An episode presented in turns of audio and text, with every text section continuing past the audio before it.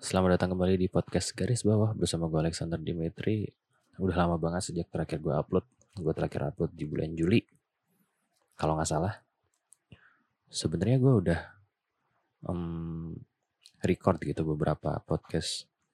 Bahkan lumayan banyak, ada kali 5 episode yang gue record. Tapi gue ngerasa kayak kurang pas aja buat di-upload. Nggak tahu kenapa, nggak pengen gue upload. Ini juga nggak tahu nih nanti bakal gue upload atau enggak. Um, jadi di kesempatan kali ini, di kesempatan yang berbahagia ini, sebelumnya kita tunjukkan terlebih dahulu puji dan syukur kepada Tuhan Yang Maha Esa. Ya udah sampai situ aja. Karena ini bukan amanat pembina upacara juga.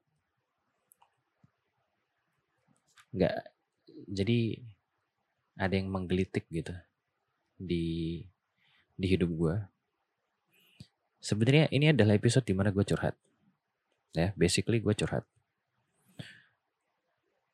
Yang mana gue nggak tahu kenapa ya. Kalau dipikir-pikir hidup gue ini banyak banget gagalnya buset.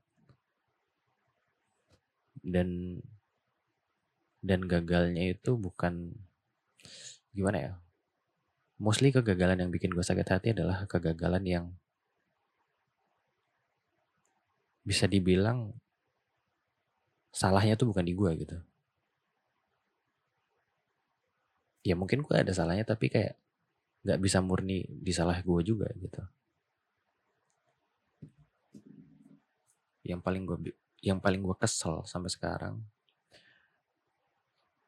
itu adalah kegagalan gue waktu kuliah yang mana gue sempat ikut student exchange ke Jepang.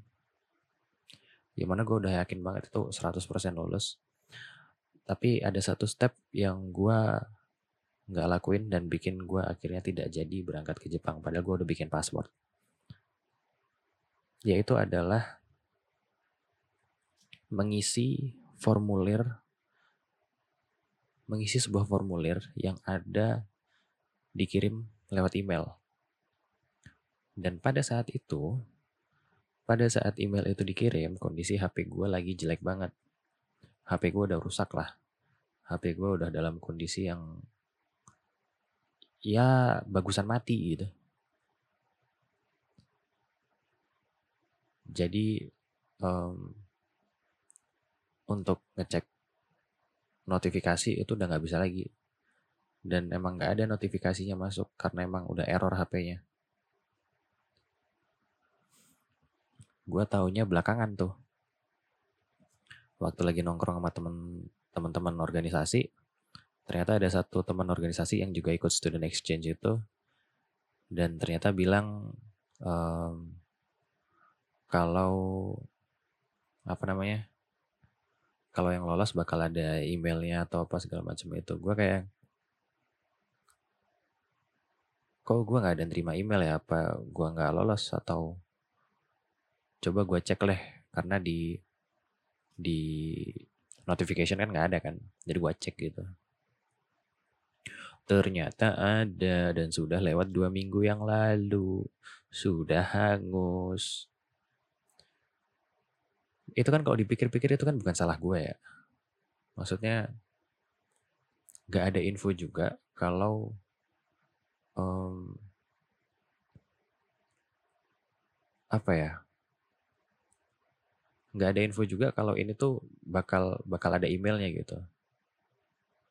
Kirain bakal bakal ada WhatsApp kayak apa kayak bakal ada SMS or something sesuatu yang lebih lebih mudah terrespon gitu. Karena teman gue ini juga yang bilang yang bilang ke gue kalau orang yang lolos bakal dapat email itu juga tahu dari temennya. Yang temennya nggak tahu deh itu dapat info dari mana. Karena gue sendiri gue sendiri seingat gue gue nggak ingat ada info kalau uh, tindak lanjutnya bakal di email ya kan kayak gue kesel gitu. Kayak salahnya tuh bukan di gue gitu. Dan itu hal yang sangat sepele. Itu bikin gue kesel banget anjing. Dan selain selain itu ada banyak juga kegagalan-kegagalan lain yang kalau gue ceritain jatuhnya kayak kayak gue menjual kesedihan gue atau gak sih di podcast ini di episode ini? Ya pokoknya intinya banyak lah. Kegagalan penyesalan kegagalan dalam hal mengejar apa yang pengen gue kejar penyesalan penyesalan tentang apa yang udah gue lewatin tanpa gue ambil. Kesempatan-kesempatan yang tertinggal karena entah gue ngapain.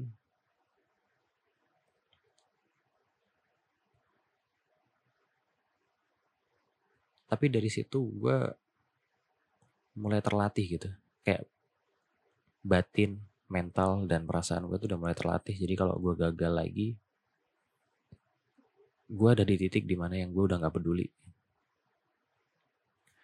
Gue nyebutnya sebagai the art of ya udahlah ya. Interview kerja di sini ternyata diterima, ya udahlah ya.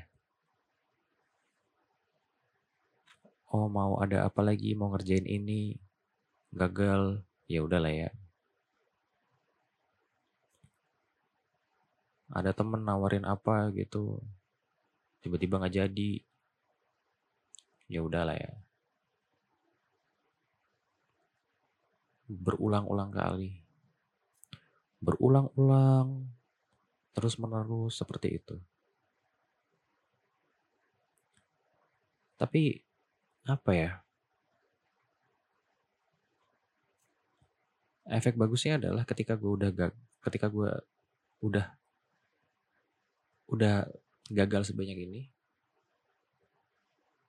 gue udah udah kebal sama yang namanya rasa sakit hati menerima kegagalan gitu.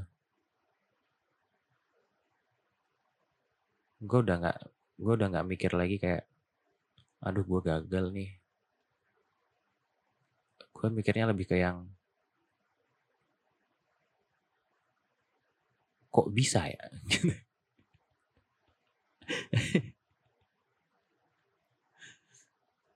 Kok bisa ya yang namanya sial, yang namanya gagal terjadi berturut-turut?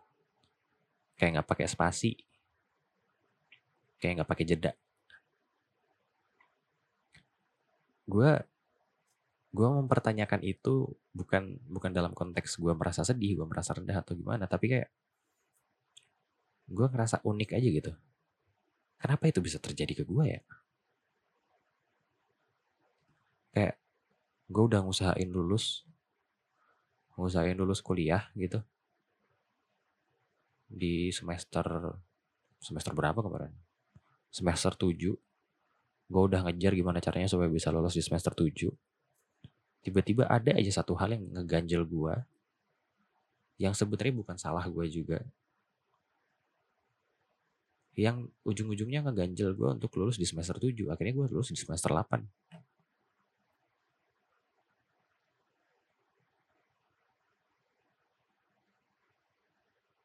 kayak aneh aja gitu.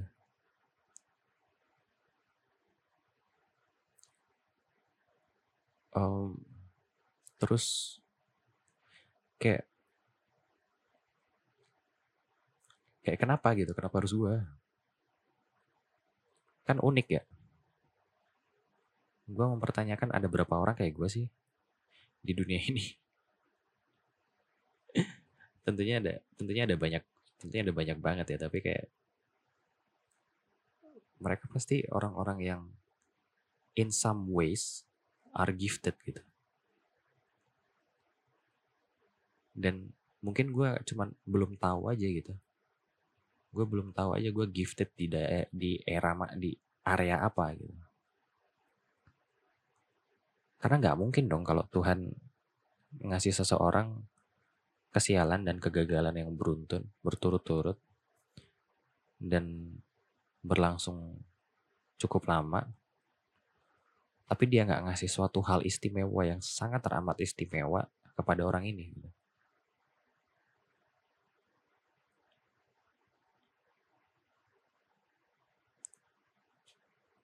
Jadi gue karena gue mikirnya gitu kayak apa-apa sekarang gue udah udah nating tulus lah.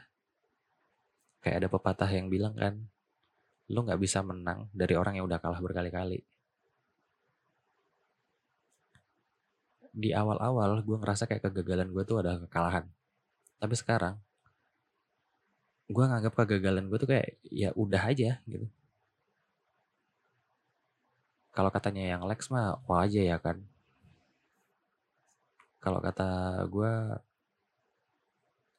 ya udahlah ya gitu. Habit itu juga muncul dari um, mungkin karena gue udah mulai banyak baca-baca soal filsafat kali ya. Filsafat-filsafat kuno Yunani gitu gue baca-baca uh, yang gue suka tuh ada yang jadi ini yang jadi apa namanya yang jadi artwork podcast gue itu namanya Diogenes of Sinop jadi dia orangnya cuek banget. Kayaknya gue udah pernah cerita ya. Atau podcast yang isinya gue cerita tentang artwork ini nggak gue upload nggak tahu deh. Jadi gue baca tentang Diogenes of Sinops itu dia orang yang hidup sebutuhnya dia aja pokoknya yang gue lihat dari Diogenes of Sinops ini dia adalah orang yang ber sepertinya gue ngerasa dia berpikir bahwa uh, kebutuhan itu bisa jadi cuman diciptakan oleh manusia. Karena gini Diogenes of Sinop ini dia tinggal cuman di satu gentong bekas kayak gentong bekas anggur gitulah kendi-kendi gede tapi bisa dipakai tidur gitu. Uh, dan juga pakaian dia di beberapa cerita dia nggak berpakaian tapi di beberapa cerita dia cuma dapat kain kain lusuh gitu buat nutup nutup area yang kurang pantas di pertontonkan kan pertontonkan di khalayak ramai dan satu lagi harta dia adalah mangkok. Mangkok ini buat mengutin makanan-makanan yang nanti akan uh, jadi makanan dia gitu. Jadi makanan orang jatuh-jatuh dia pungutin, dia taruh mangkok itu, habis itu dia makan. Jadi uh, dari dia gue belajar kayak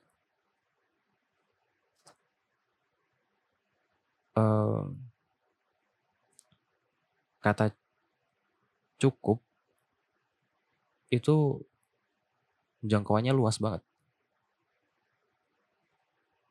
Karena kan kayak kalau kita lihat ya, Diogenes ini kalau dibilang hidupnya kurang, ya enggak. Dia punya yang dia butuh. Dia punya yang benar-benar butuh. Esensial yang benar-benar dia butuh. Orang bilang kebutuhan manusia adalah sandang, pangan, dan papan. Uh, sandang pakaian, pangan adalah makanan, papan adalah tempat tinggal. Sandang dia ada, pangan dia dapat, papan dia ada. Terpenuhi nggak tiga itu? Terpenuhi. Tapi apa yang bikin kita nggak mau berbuat seperti Diogenes? Apa yang bikin kita nggak pengen hidup seperti Diogenes? Karena gengsi kah? Karena kepantasan kah?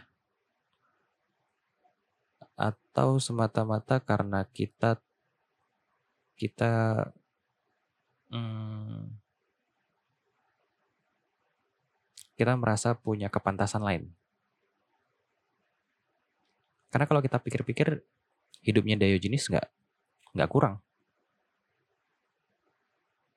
Dia makan loh. Dia makan, dia tidur. Dia punya pakaian.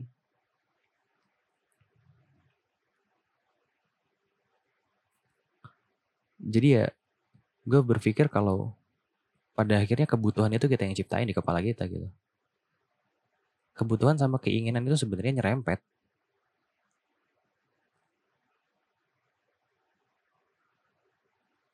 Kita jadi ingin hal yang kita butuh. Kita jadi ingin, kita jadi butuh hal yang kita ingin. Itu sebenarnya circle yang yang aneh menurut gue. Susah untuk dijelasinnya.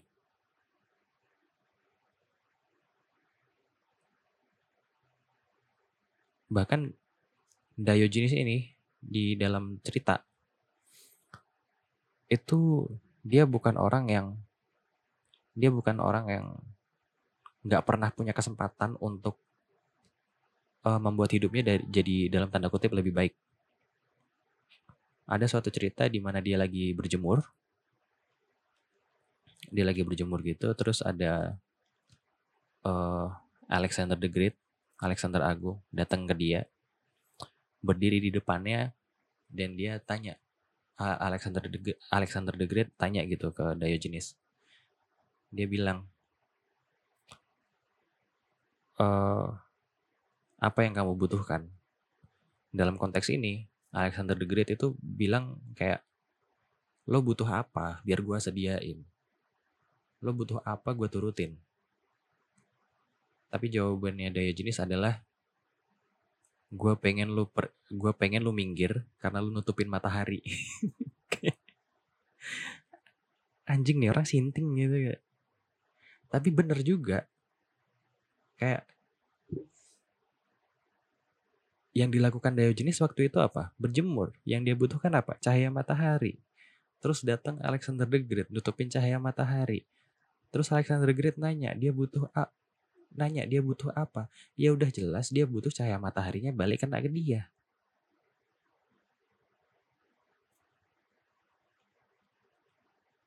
Karena kan itu simple, butuhnya dari jenis apa? Udah dikasih. Ditanyain butuhnya apa? Ya gue butuh minggir.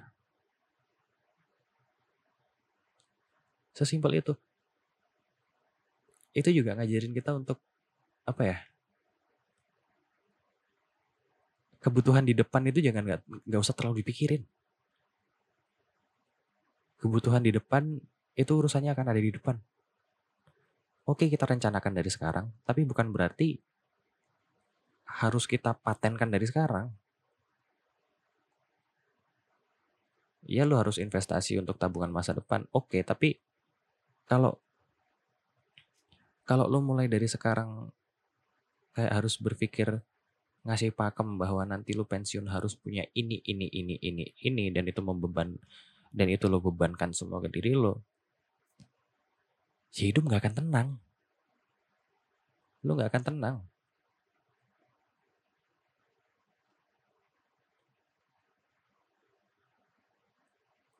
Coba kalau Diogenes mikir uh, tentang masa depan dia waktu itu. Coba kalau Diogenes mikir kayak tentang apa ya? Uh, dia pengen dia dia pengen terus bisa mungut makanan orang. Jadi Diogenes waktu ditanyain sama The Great Alexander, Alexander the Great itu dia bilang, gue pengen lo nggak, gue pengen lo nggak bikin aturan di mana gue nggak boleh mungutin makanan orang. Bisa kan? Bisa, bisa dia minta kayak gitu. Atau mungkin uh, ternyata dia punya ambisi lain gitu jenis punya ambisi lain gue pengen oh jadi kaya raya gitu masuk ke garis keluarga bangsawan bisa gitu. Jenis minta itu bisa. Tapi itu kan uh, bukan sesuatu yang praktikal bisa dilakukan di saat itu juga. Makanya yang dipilih sama Diogenes adalah hal yang praktikal, hal yang dia hal yang dia butuh dan inginkan di saat itu juga, yaitu adalah cahaya matahari untuk kena ke badannya.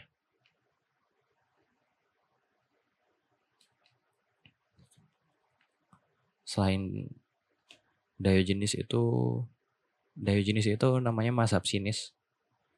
Oh iya, gue ingat kayaknya ini udah udah udah pernah udah pernah diupload sih podcastnya untuk yang jelasin tentang bagian itu. Tapi untuk refreshing aja. Habis itu ada juga stoicism. stoik kalau kata um, kata ganti orang ya stoics orang yang menganut menganut stoicism jadi stoik ini juga uh, stoicism ini juga lumayan unik di mana dia punya pola pikir pola pikir yang um, gimana gimana jelasnya? Kayak dalam tanda kutip ngomporin in a good way. Ngomporin pola pikir ya udahlah ya gue ya udahlah nya gue gitu. Jadi di dalam stoicism itu dalam hal bekerja berkarir atau berkarya itu dianut asas begini orang suk orang benci sama lo ya udah itu haknya dia orang suka sama lo, ya udah itu haknya dia. Lo nggak perlu bereaksi.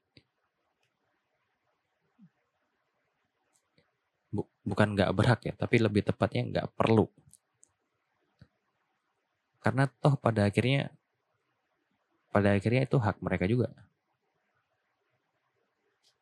Kayak kerja kantoran gitu, terus ada yang benci sama lo di kantor. Ya udah aja gitu Ya terus kenapa? Kalau lo berusaha untuk bikin dia senang sama lo kan lo buang-buang waktu.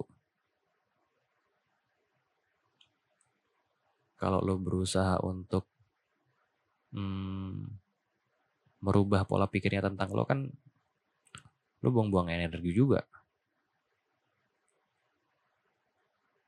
Habis itu kalau ada orang senang sama lo, orang suka sama hasil karya lo, orang suka sama kerja lo, ya udah juga. Kenapa?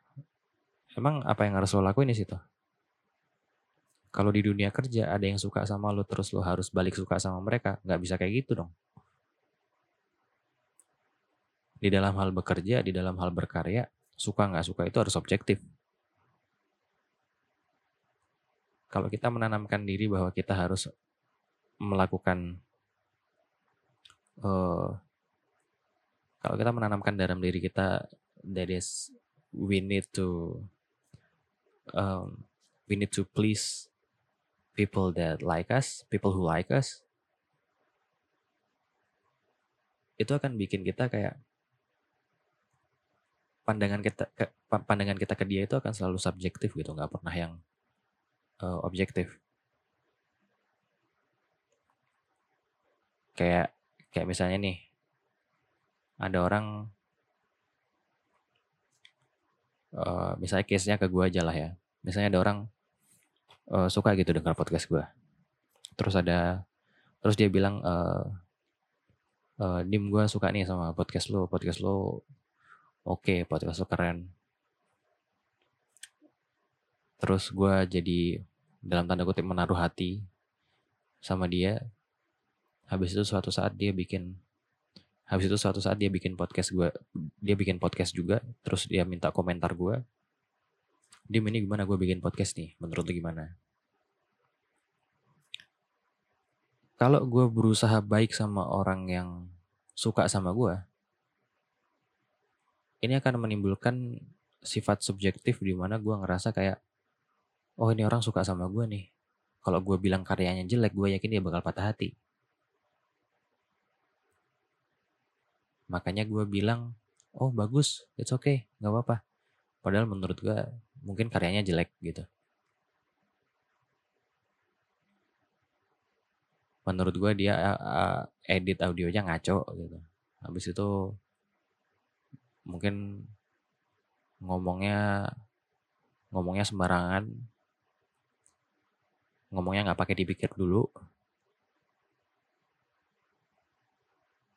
pokoknya podcastnya jelek sebenarnya gitu. Tapi karena dia tapi karena gue ngerasa kayak oh ini orang suka sama gue gue harus bikin dia senang juga.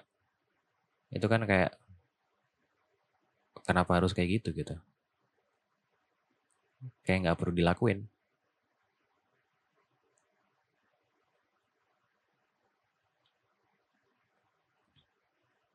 Jadi gitu kayak gue sekarang juga udah kayak yang gue bilang tadi sih. Uh, pemahaman-pemahaman filsafat ini yang bikin yang shaping shaping pola pikir gue gitu ya. Yang ngebentuk yang mengarahkan pola pikir gue untuk sampai ke titik di mana kalau gue gagal ya udah. Kalau gue berhasil ya udah kan kalau orang Indonesia kan biasanya berhasil syukur gagal ya udah. Kalau gue enggak gue udah nggak berpikir untuk punya pola pikir kayak gitu lagi. Berhasil ya udah gagal ya udah.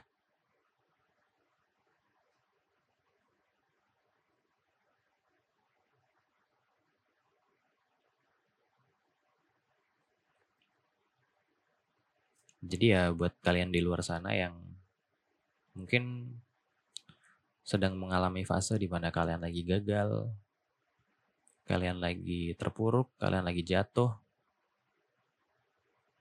kalian lagi sendirian mungkin, kalian lagi kesepian. Coba coba deh di dipikirin kalau kalau kalian meratapi kegagalan kalian, apa yang akan terjadi? Kalau kalian meratapi keterpurukan kalian, apa yang akan terjadi? Kalau kalian cuma meratapi kesepian kalian, apa yang akan terjadi? Kalau nggak akan terjadi apa-apa juga, kalau nggak akan kalau nggak akan ada perubahan apa-apa juga, ya lo lakuin hal yang lain selain meratapi hal itu. Lu kesepian ya lu cari temen.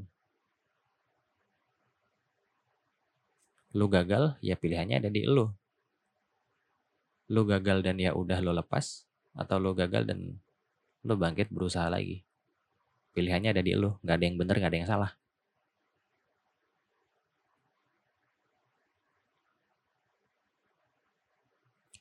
Yaudah, sampai situ aja podcast garis bawah kali ini tetap sehat, tetap semangat agar kita bisa jalan-jalan dan makan-makan lagi. Saya Jeremy Teti dan inilah Hitam Putih.